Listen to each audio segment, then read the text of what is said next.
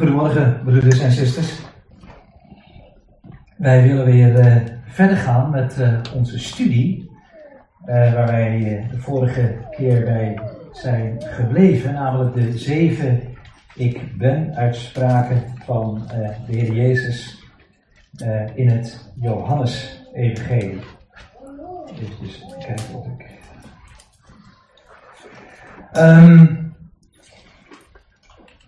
we hebben de vorige keer stilgestaan bij uh, de uitspraken van de Heer Jezus. Ik ben het brood des levens. Ik ben het licht der wereld. Ik ben de deur der schapen. En we hebben toen zijn geëindigd bij het lied dat we net hebben gezongen. Ik ben de goede herder. En vanmorgen willen we dan de laatste drie van deze zeven, zeven het getal ook van de volheid, hè, uh, ik ben uitspraken bespreken, kort bespreken. Uh, namelijk dat de Heer zegt: Ik ben de opstanding en het leven, Johannes 11. Ik ben de weg, de waarheid en het leven, Johannes 14. En dan sluiten we af met de laatste: Ik ben de ware wijnstok. Nou, we hebben al gezien dat uh, die ik ben uitspraken eigenlijk uh, in essentie aangeven wie de Jezus is. We hebben de vorige keer ook gezien dat er ook letterlijk staat, hè, niet ik ben bijvoorbeeld hè, het brood des levens, maar ik, ik ben hè, het brood des levens. Ik, ik ben het licht der wereld. Ik, ik ben de deur des schapen. En daarin, ja, vanuit eigenlijk al deze uh, ja, uh, taalvorm, zie je dat het hier dus gaat om de ik ben.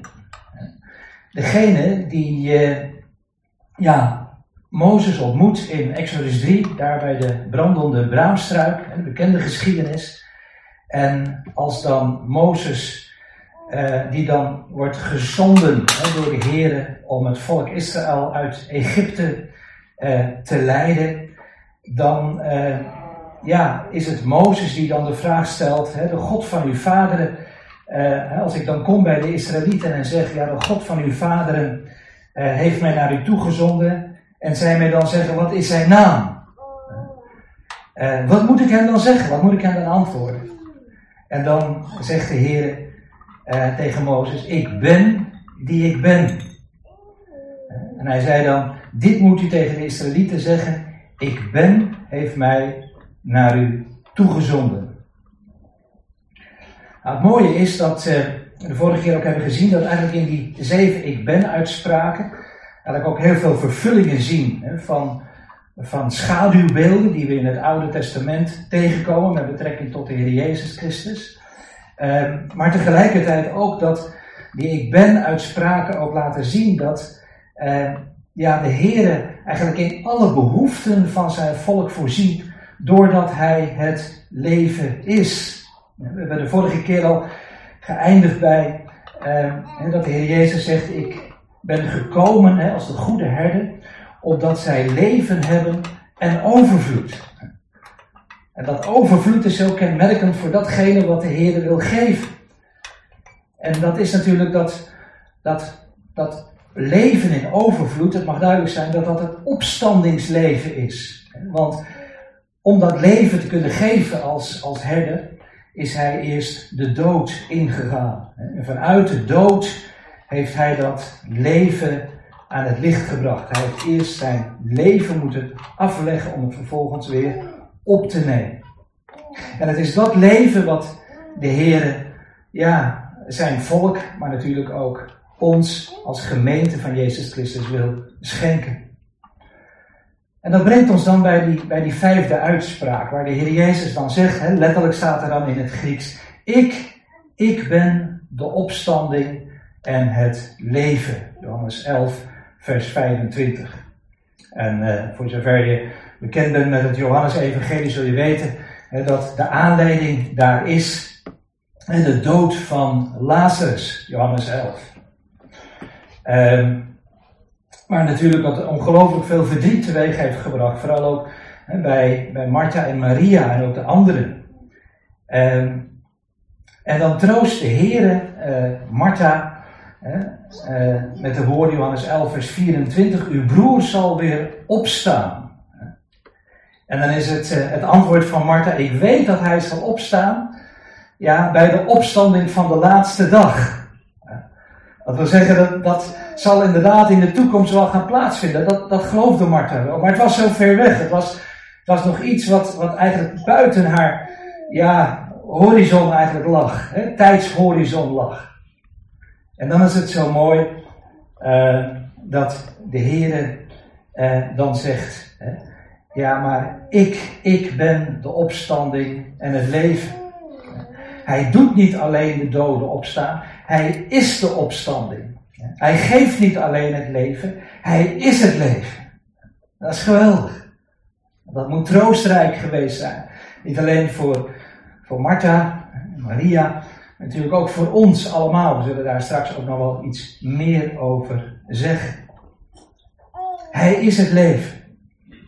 De andere kant is natuurlijk ook waar. In Johannes 8, vers 24, daar zegt de Heer Jezus naar degene die, uh, met wie hij in gesprek is. Uh, ik heb u dan gezegd dat u in uw zonden zult sterven. Want als u niet gelooft dat ik het ben, en daar staat weer dat ik, ik ben. Dus het wezen van de Heer, het wezen van God geopenbaard in zijn zoon. Indien gij dat niet gelooft, zult u in uw zonden sterven. Tot twee keer toe vind je dat de Heer Jezus daar spreekt over in je zonden sterven. De vorige keer uh, even stilgestaan bij wat, uh, wat valse leringen die zo de ronde doen. Hè, over bijvoorbeeld de ontkenning van de godheid van de Heer Jezus. Maar wat je ook steeds meer ook merkt is dat, mensen eigenlijk ja, niet, meer, ja, niet, niet, niet meer geloven dat ja, mensen verloren kunnen gaan. De alverzoening. Iedereen, ja, daar komt God wel mee tot zijn doel. Dat, dat komt wel goed. Daar hoef je niet bezorgd om te zijn. Evangelisatie zou wat dat betreft niet nodig zijn. Nou, dat is niet wat de Heer hier zegt. Indien gij niet gelooft dat ik, ik ben, dat Hij is wie Hij is, vooral zoals dat dan ook in die zeven ik ben uitspraken tot uitdrukking komt, dan zult u, dan is het gevolg daarvan, dat u in uw zonde zult sterven. En dat is eigenlijk het echte sterven. Het sterven in je zonde. Het voor eeuwig gescheiden zijn uh, van God. Opvallend is dat de Jezus, als hij spreekt over, over Lazarus, dat hij niet spreekt over de dood, maar dat hij spreekt over slapen. Lazarus, zegt hij tot zijn discipelen in uh, vers 11 van Johannes 11. Lazarus, onze vriend, geeft ook meteen weer aan ook de relatie hè, die de Heer met, uh, met Lazarus en uh, en Maria had. Lazarus, onze vriend, slaapt. Maar ik ga naar hem toe om hem uit de slaap op te wekken. En daarmee, ja, zou je kunnen zeggen, relativeert de Heer eigenlijk het begrip dood voor de gelovigen. Lazarus slaapt. En hij wist van zichzelf dat hij was degene die is de opstanding en het leven. Geweldig om dat ja, ook, ook te mogen weten. We hebben afgelopen dinsdag hadden we, hadden we huiskring.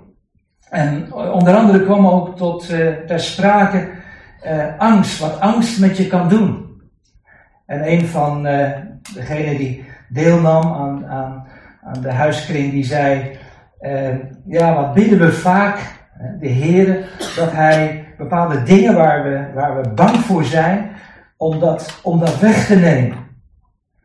Uh, terwijl in feite de Heer ons de genade wil geven om, om juist door die moeilijke heen, dingen heen, ja, daar doorheen te gaan, daar met Hem doorheen te gaan. Daarvoor de kracht en de genade van Hem te ontvangen. Het valt ook zo op in die geschiedenis hè, van, van Johannes 11, dat uh, zowel Martha als Maria, uh, die dan uh, de Heer Jezus hebben laten roepen, toen Lazarus nog ziek was, dat als dan de Heer Jezus pas na vier dagen daar aankomt, dat zij dan zeggen, Heer, als u hier geweest was, zou mijn broer niet gestorven zijn. Beide, beide zeggen dat. Als u hier geweest was. Met andere woorden, eigenlijk, ja, wat had ons dat een hoop ellende kunnen besparen? Wat was het zoveel mooier geweest als u, als u hem genezen had. En hij niet had hoeven te sterven. En eigenlijk met zoveel woorden zeggen zij, ja, eigenlijk bent u te laat, heer. U had, u had er eigenlijk eerder moeten zijn toen wij u dat bericht meedeelden. Had u eigenlijk meteen moeten komen, dan was alles nog goed, nog goed gekomen. Als je dan ook zo verder leest, hè, vers 37 van Johannes 11, die cynische reacties van die omstanders, hè, die zeiden, kon hij die de ogen van de blinde geopend heeft, ook niet maken dat deze niet gestorven was. We weten inderdaad in Johannes 9 hè, hoe de Heer die, die blind geboren, en we hebben de vorige keer ook bij stilgestaan, in het kader van dat Hij is, hè, het licht der wereld, eh, hoe Hij inderdaad die ogen van, en dan vooral natuurlijk de geestelijke ogen, natuurlijk fysieke ogen, maar ook de geestelijke ogen van deze blinde heeft mogen openen, heeft geopend. Hij die de, blinde, die de ogen van blinden geopend heeft, had toch ook wel kunnen maken dat deze niet gestorven was. We hadden laatst zo'n gesprek, Ger en ik, aan tafel over, over evolutie. En Gerda maakte terecht de opmerking uh, dat uh, ja, veel mensen eigenlijk niet geloven in God. Hè. Het is alles uh, het gevolg van ja, een toevallige samenloop van omstandigheden. Hè. Een oerknal dat uiteindelijk alles tot stand heeft gebracht. En die andere groep, en dat, dat, dat zie je eigenlijk ook zoveel ook om je heen, die, die, God wel, die wel in God geloven, maar dan vooral God verantwoordelijk stellen voor, voor datgene wat, wat in hun ogen eigenlijk mis is, wat, wat God had kunnen voorkomen. Nou, dat is eigenlijk ook die cynische reacties hier van die, van die omstanders. Hij had dat toch, als hij dan toch die God is, dan had hij dat toch kunnen voorkomen. En misschien worstel je daar zelf ook wel mee, van tijd tot tijd in je leven. Je zegt, Heer, waarom moet ik die weg gaan? Dit had hij toch kunnen voorkomen? Dit had toch zo anders gekund? Wat geweldig te mogen weten dat de Heer is de ik ben, de ik ben die ik zijn zal, of de ik zal zijn die ik zijn zal. Dat Hij de altijd tegenwoordige is. En dat Hij is de opstanding en het leven, dat Hij de dood heeft overwonnen. En dat is zo mooi ook in Hebreeën 2 vers 15, hè, waar de apostel schrijft hè, eh, dat Hij hem die de macht, eh, Satan, hem die de macht over de dood had, heeft overwonnen om allen te verlossen die door angst voor de dood gedurende hun hele leven tot slavernij gedoemd waren. Tot slavernij, wat kun je, wat kan angst op een gegeven moment een bepaalde slavernij in je leven teweeg brengen? Je kan daar zo door geobsedeerd worden door bepaalde dingen waar je bang voor bent. En de Heere wil je daarvan verlossen. En hij heeft dat gedaan. Voor datgene waar ja, als mens eigenlijk het meest bang voor bent, denk ik in het algemeen. Hij heeft de dood overwonnen. Want hij is de opstanding. En hij is het leven. En als de Heer Jezus dan zegt, ik, ik ben de opstanding en het leven, wie in mij gelooft zal leven, ook al was hij gestorven. En een ieder die leeft en in mij gelooft zal niet sterven in eeuwigheid.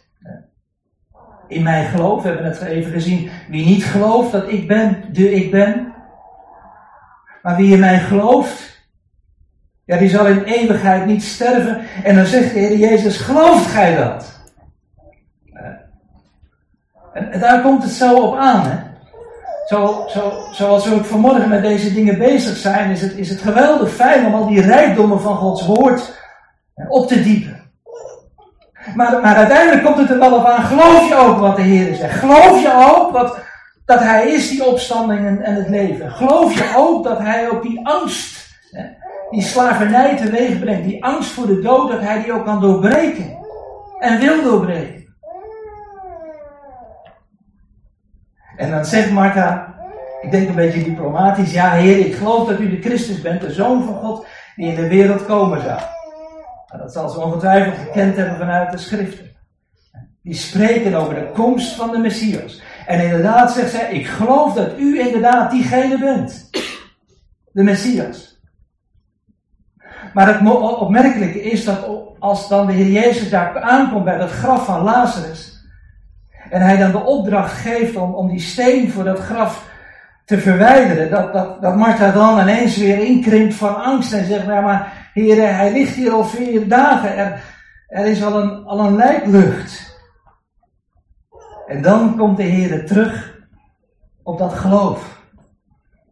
Dan zegt de Heer Jezus, heb ik u niet gezegd dat als u gelooft, u de heerlijkheid van God zult zien?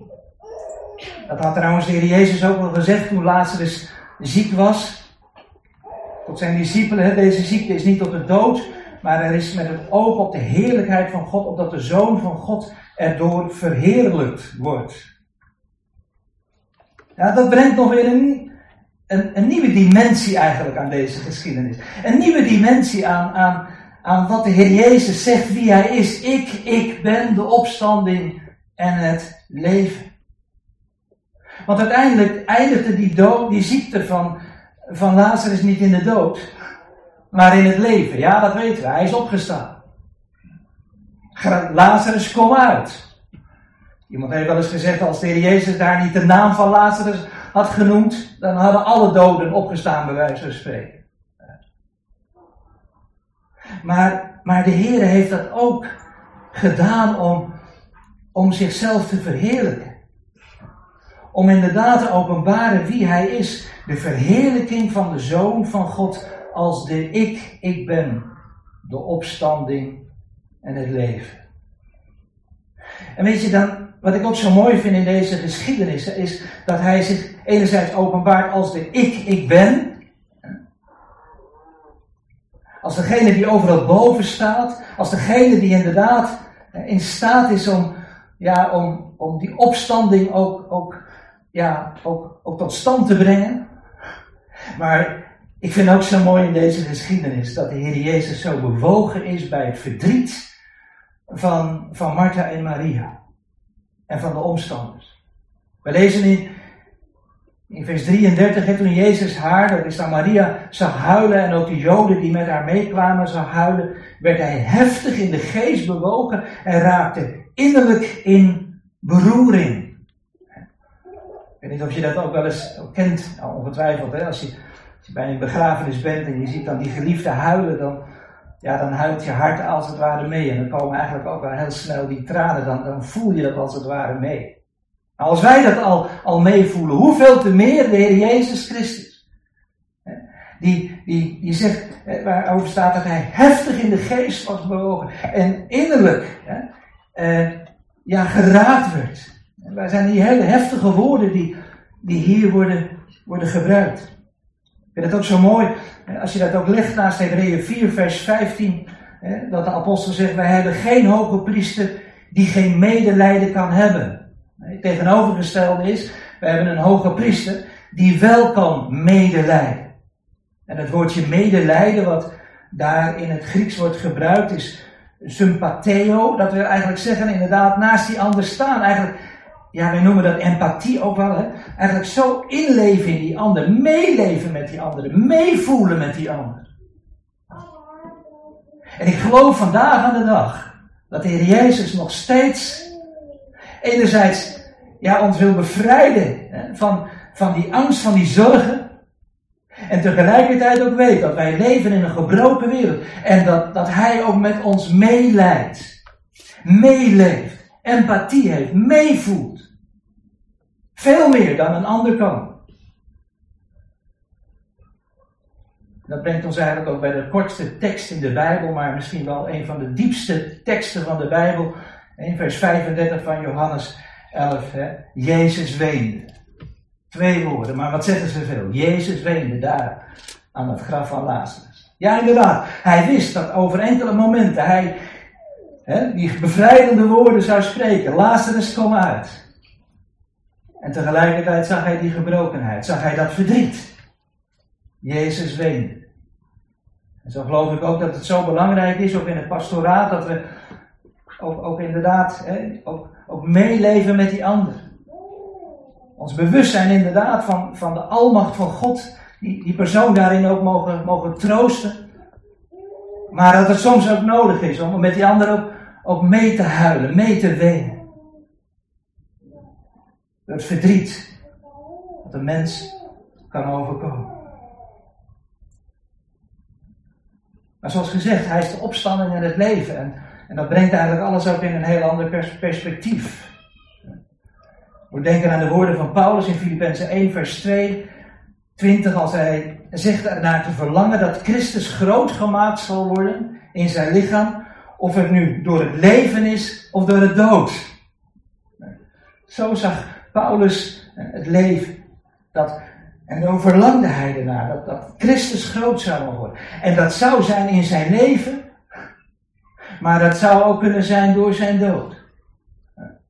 Uiteindelijk komt hij tot zijn doel, want hij is die opstanding en hij is het leven. En prachtig als je dan een paar versen verder leest in vers 22 van Filippenzen 2 eh, van 1, hè, dat Paulus dan zegt, maar ik, ik blijf leven in het vlees. Dat, als ik blijf leven in het vlees, dan betekent dit voor mij vruchtbaar werken.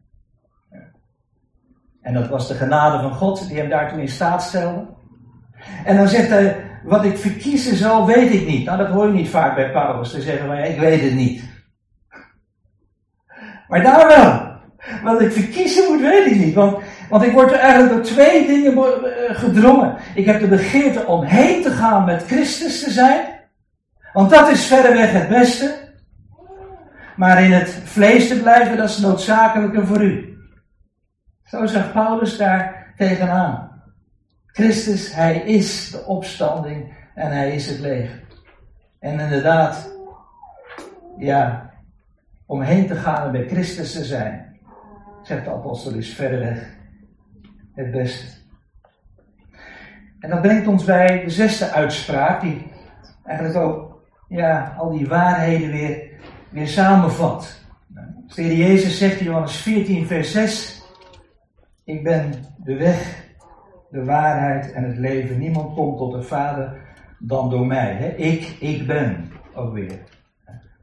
De, de weg, de waarheid en het leven. Niemand komt tot de Vader dan door mij. De aanleiding hier is dat de Heer Jezus zijn discipelen voorbereidt op het moment dat hij zal terugkeren naar de Vader. En die gesprekken die gaan er eigenlijk ook steeds over. En dan zegt de Heer Jezus in Johannes 14, in die bekende woorden, laat uw hart niet in beroering raken. U gelooft in God, geloof ook in mij. Dan zie je weer die gelijkheid van de Vader en de Zoon. In het huis van mijn vader zijn vele woningen. Als dat niet zo was, zou ik u gezegd hebben. En ik ga heen om u een plaats te bereiden. En als ik heen gegaan ben en een plaats voor u gereed gemaakt heb, kom ik terug en ik zal u tot mij nemen, opdat u zult zijn waar ik ben. Prachtig zoals dat bijvoorbeeld ook in, Johannes 17 ook tot uitdrukking eh, komt. Hè? Dat gebed van de Heer Jezus in Johannes 17 vers 4. Vader, ik wil dat waar ik ben, ook zij bij mij zijn, die gij mij gegeven hebt, opdat zij mijn heerlijkheid zien. Twee dingen. Hè? De Heer verlangde ernaar om, ja, naar dat moment om, eh, om, om, om de zijne tot zich te mogen nemen. Maar natuurlijk dat tot zich nemen betekent ook in een nieuw lichaam waarin zij ook die heerlijkheid ook zullen kunnen zien, zullen kunnen aanschouwen. Dat kunnen we in dit aardse lichaam nog niet. Daar moeten we eerst nog van verlost worden. En dan zullen we die heerlijkheid mogen zien. En ongetwijfeld zal Paulus dat ook, voor ogen hebben gehad toen hij, toen hij die uitspraak deed in, in Filippenzen 1. Met Christus te zijn is, is verreweg het beste. Ja, dan is het Thomas die dan aan de Heer Jezus vraagt, hè, wij weten niet waar u heen gaat, hoe, kunnen wij dan de weg weten? En dan, dan komt dus die, die woorden hè, die we net al even citeerden ehm, in vers 6. Ik ben de weg, de waarheid en het leven. Niemand komt tot de Vader dan door mij. Hij is niet een weg. Hij is niet een waarheid. Hij is niet een bepaald de vorm van leven wat je misschien als voorbeeld zou kunnen stellen. Nee, hij is het allemaal. Zie je? En uh, ja, hij is de weg tot de Vader. En hij is inderdaad vanuit Johannes 14 ook de weg naar het huis van de Vader. Het huis van de Vader, als je dat, uh, dat opzoekt in, uh, in de Bijbel, dan spreekt de Heer Jezus over de tempel. Bijvoorbeeld in Johannes 2, vers 16, daar, daar zegt de Heer Jezus, hè, maak, niet het huis van mijn vader tot een koophandel. Het huis van mijn vader, de tempel. Maar zoals we vaker hebben gezien, eigenlijk stelkens in het onderwijs van de Heer Jezus stelt hij dat aardse tegenover dat hemelse. Dat stoffelijke tegenover het geestelijke, dat tijdelijke tegenover dat eeuwige. Het mag duidelijk zijn dat de Heer hier dan spreekt over, niet over een aardse tempel die inderdaad in het jaar 70 na Christus, hè, de, Romeinse legers is verwoest geworden, maar dat hij spreekt over de hemelse tempel. Die we ook, is ook veel tegenkomen in het laatste Bijbelboek. Openbaring 3, 7, 11, 14 tot en met 16 wordt steeds gesproken over, hè, over, die hemelse, over die hemelse tempel. Het mooie is trouwens dat in Openbaring 21, daar kom je dan bij de nieuwe hemel hè, en de nieuwe aarde, waar de eerste dingen zijn voorbij gegaan. Een nieuwe fase. En dan, dan lees je dat daar dat nieuwe, dat nieuwe Jeruzalem zal, neerdalen en dat Johannes dan zegt, en ik zag geen tempel in haar, want de Heere, de Almachtige God, is haar tempel en het lam. De Heere is die tempel. Nou, daar kun je nog veel over nadenken.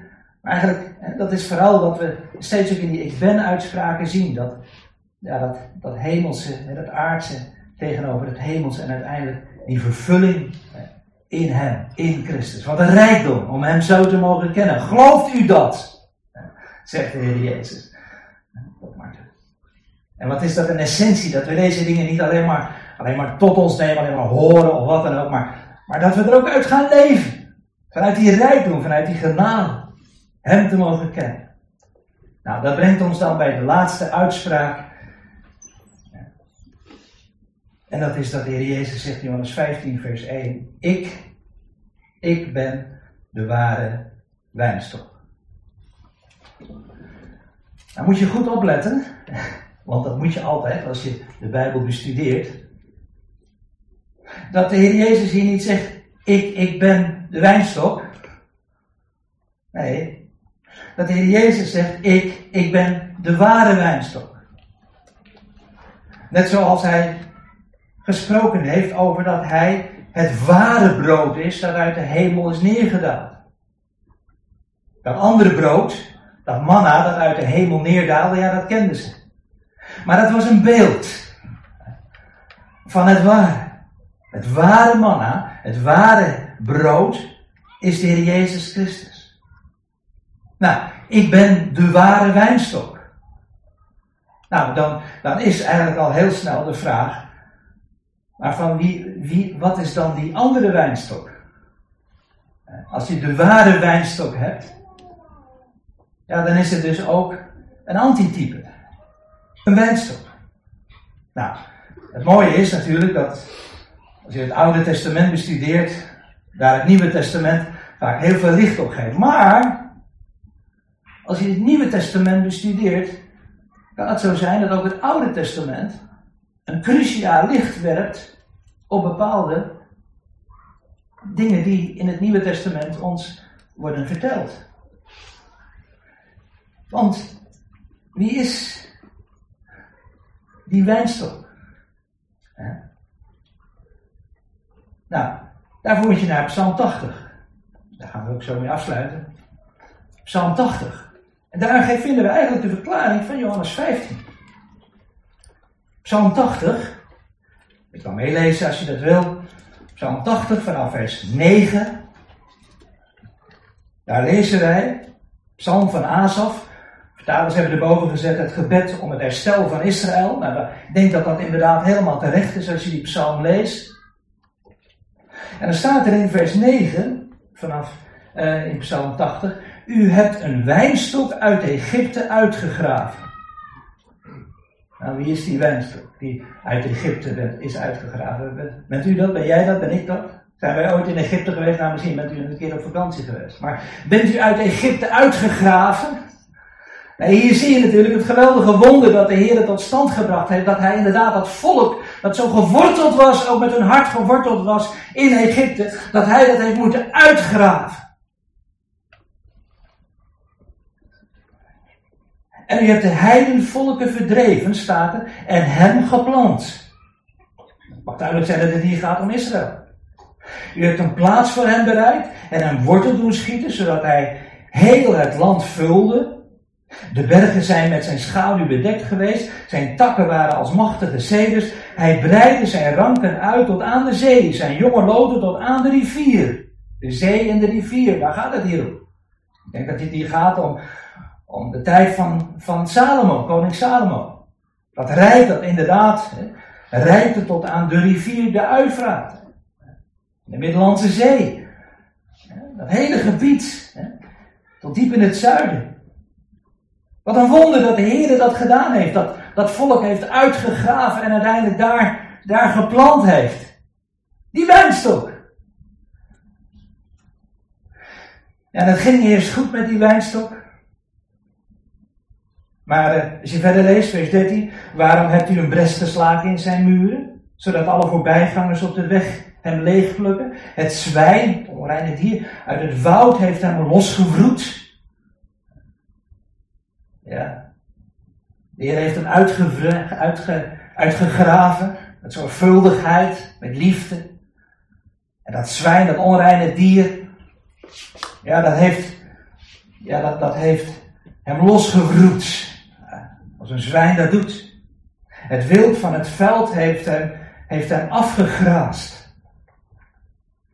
Dan zie je dat die heidense volken, die op een gegeven moment dat volk heeft verdreven. En dan komt dat gebed van het gelovig overblijfsel van Israël in vers 15 of vers 13. Uh, o God van de legermachten, keer toch terug. Keer neer uit de hemel en zie. Zie om naar deze wijnstok. Vers 15. Vers 16.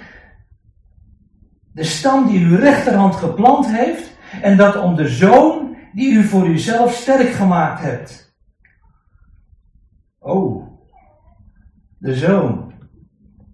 Welke zoon is dat? Ja, Israël wordt soms ook genoemd zoon. Maar ik denk als het hier gaat om de zoon, dat inderdaad de rechter, de, de, de vertalers het met een hoofdletter hebben geschreven, dat het hier om niemand anders gaat dan de zoon, de Heer Jezus Christus. Mooi hè, zoals Gods woord ook in het Oude Testament spreekt over de zoon die u voor uzelf sterk hebt gemaakt. Ja, want waar gaat het hier om?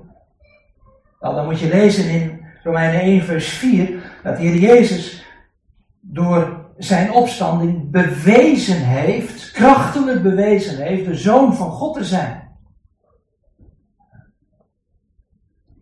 En hier zien wij dus eigenlijk al in, een bepaalde kiemvorm, of eigenlijk ja, in beelden, die natuurlijk heel bekend zijn in de schrift, of tenminste heel, heel uh, eigen zijn aan de schrift. Hoe hier weer op een wonderlijke wijze gesproken wordt over de zoon. En dan begrijp je ook Johannes 15, vers 6, een tekst waar, waar we het nog wel eens moeilijk mee hebben. Waar staat dan, als iemand niet in mij blijft, zegt de Jezus, wordt hij buiten geworpen, zoals zo rankt en verdort en men verzamelt ze en werpt ze in het vuur en ze worden verbrand. En er zijn best nog wel wat christenen die dan denken, nou zie je, daar, daar is het. Ja, dus je kan ook nog zomaar ineens worden uitgeworpen. Je kan dus door ongeloof, kan het ook nog een keer helemaal misgaan in je leven. En, kun je uiteindelijk nog worden verbrand. Ja, maar lees deze dingen nou in de context waarin ze staan. Lees deze dingen ook in, in het licht, hier in dit geval, van die oud-testamentische waarheden. Want lees maar eens verder in Psalm 80. Daar staat inderdaad, vanaf vers, vers 17, de wijnstok is met vuur verbrand, is afgekapt. Uw volk komt om door de bestraffing voor uw aangezicht. Maar dat kun je traceren in de geschiedenis van Israël. En er staat er, laat uw hand rusten op de man van uw rechterhand. Op de mensenzoon. Die u voor uzelf sterk gemaakt hebt. Nog weer een keer. Die u voor uzelf sterk gemaakt hebt. Nou, laat uw hand rusten op de man van uw gerechtigheid. Is ook te vertalen met, laat uw hand rusten tegen de man van de gerechtigheid. Maar krijgt dat dan niet een rare wending? Nee. Want inderdaad, God heeft zijn hand tegen zijn zoon moeten opheffen. Hij heeft in onze plaats de toren van God op zich genomen. Hij is tot zonde gemaakt, zegt de apostel Paulus, opdat wij zouden worden gerechtigheid Gods in hem. En hij is sterk gemaakt. Hij is inderdaad Door de opstanding uit de doden heeft hij krachtelijk bewezen, met kracht bewezen, de zoon van God te zijn. En dan, en dit dat gelovig overblijft er eigenlijk verder in vers 19, dan zullen wij ons niet van u afkeren. Behoud ons in het leven, dan zullen wij uw naam aanroepen. Daar heb je het. De naam van de Heer zullen wij aanroepen. Zoals Joel zegt, hè? ieder die de naam des Heeren zal aanroepen, zal behouden worden. Dat zullen wij doen. Heere God van de legermachten, breng ons terug. Want het volk is verstrooid. Breng ons terug. Doe uw aangezicht lichten. En dan zullen wij verlost worden. Weet je, als het gaat om de verlossing van Israël, gaat het altijd natuurlijk om de geestelijke verlossing van het volk. Maar ook om het volk dat dan weer teruggebracht wordt in het land en daar veilig zal wonen. Ik weet niet of je gisteravond nog even hebt gekeken naar, naar het nieuws om, om half tien. En daar, zie je dat weer opnieuw een verschrikkelijke corona-uitbraak heeft plaatsgevonden in, in Israël. Dat is verschrikkelijk. Maar dan zal de Heer zelf garant staan voor hun veiligheid. Voor de vijanden die hun dan ook verslagen zullen worden. Hij die hen uit Egypte heeft uitgegraven, hij zal hen weer opnieuw planten in het land dat hij hem beloofd heeft. Dat is de toekomst van Israël. Moeten we niet, moeten we niet, moeten we niet eh, we onderscheiden met de, met, de, met de toekomst die God ons in, vanuit zijn woord heeft bekendgemaakt als de gemeente van Jezus Christus, het lichaam van Christus. Met een hemelse toekomst, een hemelse verwachting en nu al met een hemels burgerschap. En zo zie je dat die, deze woorden die de Heer Jezus die spreekt tot zijn Joodse discipelen ineens, ineens geweldig eigenlijk in, in perspectief komen te staan. En nou kan ik me zo voorstellen dat er sommigen onder ons zijn die zeggen, ja, daar heb je weer. Hij, hij heeft het weer over Israël. Ja, inderdaad, natuurlijk heb ik het over Israël. God heeft dat volk lief. En Gods liefde is in mijn hart uitgestort. En in jou en in uw en in onze harten uitgestort. Betekent dat dan dat je, dat je al die teksten dan eigenlijk zomaar, zomaar kan negeren en zeggen, nou ja goed, dat staat er wel. En vanuit de context van Psalm 80, ja, ach, dat heeft, slaat niet op ons. En natuurlijk, mogen ook wij zeggen dat, dat zoals de Heer Jezus dat zegt, ik ben de, de wijnstok, u de ranken die in mij blijft en, en ik in hen die draagt veel vrucht. Want, en daar komt het eigenlijk op neer, zonder mij kunt u niets doen. Als dat nog even beseffen? Gelooft gij dat? Zegt de Heer Jezus. Nou, eigenlijk vanmorgen weer opnieuw. Geloof je dat? Geloof je inderdaad dat je zonder Hem niets kunt doen? Dat wil eigenlijk zeggen dus dat je zonder Hem ook tot niets in staat bent. En dat zijn we. Want we zijn met Christus gestorven. Maar we zijn ook met Hem opgestaan in een nieuw leven. En daarom zegt Paulus, en daar gaan we straks met elkaar zingen, en we gaan het buiten zingen, heb ik begrepen. In Filippenzen 4, vers 13, ik vermag alle dingen in hem die mij kracht geeft. Is dat niet geweldig? Ik vermag. Hoe? In hem. In de ik, ik ben. Die ook voor mij dat brood des levens is. Ook voor mij dat licht der wereld is. Ook voor mij de deur van de schapen is. Ook voor mij die goede herder is. Ook voor mij de opstanding en het leven is die voor mij ook de weg en de waarheid en het leven is. En die ook voor mij de ware wijnstok wil zijn. Geloofd en geprezen. Zij zijn wonderbare en heilige naam. Amen.